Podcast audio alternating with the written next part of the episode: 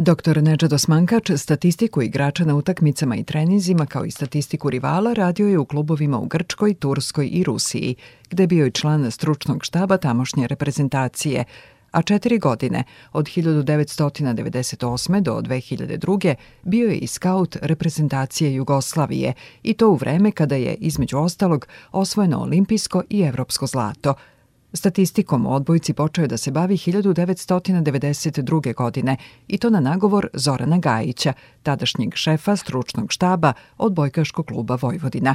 Naime, on mu je rekao da mu treba saradnik koji će se baviti analizom i skautingom – Tada, kako kaže za naš radio, nije ni znao šta je to. Krajem 80. početkom 90. italijanska stacija imala već nekoliko tih svojih specijalista koji su radili i naš sadašnji predsednik Sajeza, gospodin Gajić, je tada bio trener Vojvodine i on je tražio nekoga ko bi mu to radio, s njim utakmice, analizirao i tako dalje i ja sam igrao do 91. odbojku, pa sam otišao u vojsku i kad sam se vratio, onda sam počeo da studiram i, i to je tad krenulo štapom i kanapom, olovkom i papirom. Danas nezamislivo. Nije bilo to tada ni tih vrhunskih programa, ni kompjutera, ni laptopova, ni programa, ni ništa. Mislim, to je čisto je bio neki posljedic. Nikad u životu nisam pomislio da ću da se s time bavim toliko godina. Prvi je u generaciji na Novosadskom fakultetu za sport i fizičku kulturu diplomirao, pa i magistrirao. Doktorirao je na TIMSu u Novom Sadu, a tema doktorske disertacije je naravno statistika.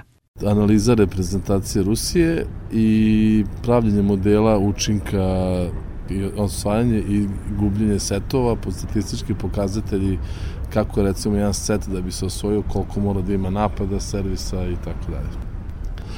Ja sam inače pristalica i mnogi ovi moji treneri, pošto ja predsjednik trenerske organizacije Vojvodine i sve, i stalno držim seminare i stalno pričam kako je sve matematika vrlo egzaktna nauka i sve pokaže, ali treba znati čitati brojeve i mora sve da se planira. Ne može ništa da se desi onako. Ovde kod nas su svi mnogo nonšalantni, svi hoće to još uvek sve štapom kanapom, ja to sve znam, šta sad ja da pišem, šta sad ja da računam, da gledam, da brojim skokove i tako dalje. Međutim, sve je vrlo egzaktno i onaj ko planira, gleda, analizira, sigurno dolazi do dobrih podataka koje posle može da iskoristi. Sa klubovima i reprezentacijama u kojima je radio kao statističar, pomoćni ili glavni trener, osvojio je više od 50 medalja na nacionalnim i međunarodnim takmičenjima. Sada je selektor muške juniorske odbojkaške reprezentacije Srbije, a početkom prošle godine postao je trener i sportski direktor odbojkaškog kluba Novi Sad Manex – Već u prvoj sezoni uveo je tim u Superligu Srbije, pa Novi Sad sada ima dva superligaša. Kada je početkom 90-ih počeo da se bavi statistikom u odbojci, odbojkaški klub Vojvodina je jedini u Srbiji imao skauta, a sada su skauti deo svakog ozbiljnijeg stručnog odbojkaškog tima. Svaki trening se snima i analizira, za svaki trening se pravi statistika, beleži se svaki skok igrača, pravac napada i servisa – Analizira se i kako igrači reaguju na treningu, ali naravno i kada su pod rezultatskim pritiskom, odnosno kada se lomi rezultat. Postoji te hot situacije koje se zovu te, da kažem, nam bitne, pa se onda ima od posle 21 analiza, prvih par poena do 10 jedna analiza, pa između druga analiza, tako da kažem, otišli smo jako daleko i to sad kad bi se sve, evo sad je moj scout pošto sad ima kao glavni trener imam puno pomoćnika, pa onda oni imaju puno posla. to je za njih teško, ali u stvari će im biti dobro, jer će dobro da izuče zanat. Kad mi donese studiju o protivniku iz 5-6 utakmice na 50-60 strana, stvarno sigurno znamo puno bolje protivnika nego što on zna sebe. I to je ono što je dobro i ja stvarno verujem u to i kako da kažem, to mi je neka ideja vodilja i to se pokazalo svi najveći treneri su se isto počeli baviti prvo statistikom, pa tek onda su ušli u trenerske vode, tako da ta egzaktnost matematike je u stvari najbitnija. Deset godina radio je u najboljim evropskim klubovima, po dve godine u Istanbulu i Atini, a onda i šest godina u Moskvi, pa je vreme provedeno daleko od kuće iskoristio i da osim engleskog jezika, koji je već znao, nauči turski, grčki i ruski. To je stvarno veliko bogatstvo kad vi naučite neki jezik i kad možete da komunicirate bez obzira na sve to, na sigurno sam kroz ceo naš boravak svugde u svetu steko dosta prijatelja s kojima i dan danas održavam kontakte, ali ono što mene najviše u životu dotaklo i da sam napravio pravi potes, to je što sam iskoristio boravak u Rusiji i da sam, mislim da sam dosta dobro savladao ruski jezik i ja sam kupio tamo, ima gomilu ruske klasike, ali kao audio knjige. I onda je stvarno kad ja čitam Jesenjinove pesme i kad mi neki Rus ili Ruskinja kada recituje Jesenjina je stvarno mnogo različito, ali je meni sada drago da sam uspeo da to mogu da doživim u originalu. Kako su oni to šta su mislili, uspeo sam da, znate kako, isto ko što mi imamo naše pošalice, šale i dok neko uđe u naš smisao nekih reči, treba puno vremena. E, to sam recimo uspeo i naravno na engleskom.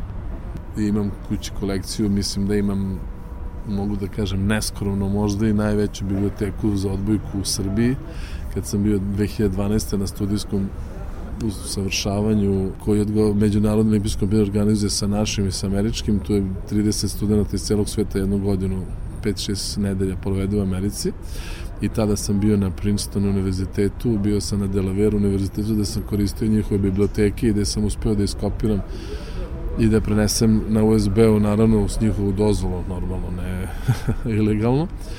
I stano sam donao jako, jako puno literature ovde i pogotovo iz odbojke, gde naša literatura ipak nema tako puno knjiga i svega, ali mislim da ima preko 200 knjiga i samo iz odbojke, što je sigurno za odbojku velika cifra.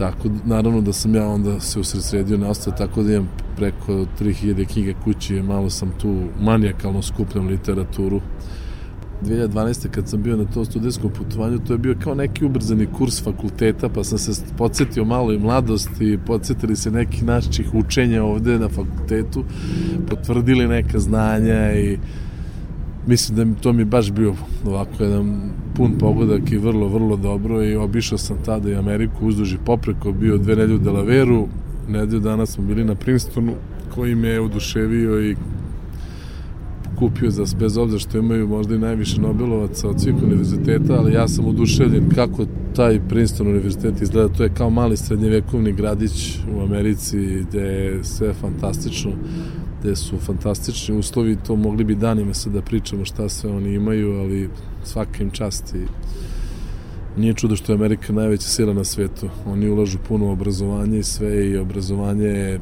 srce svega i bez toga nema ništa. Nauka i obrazovanje, ali i praksa, jako su bitni, jer sve što naučno utvrdite morate u praksi da potvrdite, naglašava Osmankač. Sve vi što naučno možete i eksperimentalno da utvrdite, ako ne možete praktično da potvrdite, nema upotrebnu vrednost.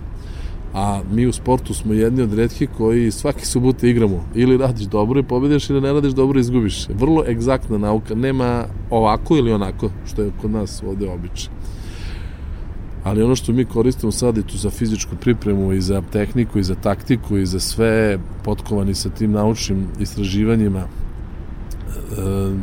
kako da kažem ne može jedno bez drugoga i nauka i obrazovanje uvek idu jedno uz drugo i praksa u sve to i to sad se podiglo, evo ja meni sad stručni štab, svi su fakultetski obrazovani ljudi.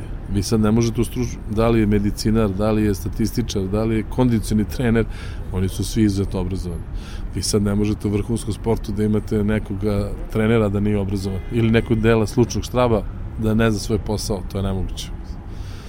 Tako da nauka i obrazovanje i praksa sve ide jedno pod ruku i to je suština napretka. Da svaki dan idemo napred i da malo se uvek eksperimentiše, da se proba nešto, da se naučno dokaže, pokaže, probamo, ne može uvijek da bude ni uspešno, nekad i ne bude, ne, ne može svaki eksperiment da uspe, ali se uvek trudimo da idemo napred i da tražimo nova znanja, saznanja i da idemo napred i kroz kompjutersku tehnologiju i kroz fizičku pripremu i kroz medicinsku nauku koja je sve više kod nas prisutna sada, mislim, ne možemo stvarno da bi jedan kolektiv bez nekoliko stručnjaka iz svih oblasti nema dobrih rezultata. Onaj ko misli da nešto zna i došao je do nekog nivoa, a ne usavršava se, završio je s karijerom, zaključuje doktor Nedžad Osmankač.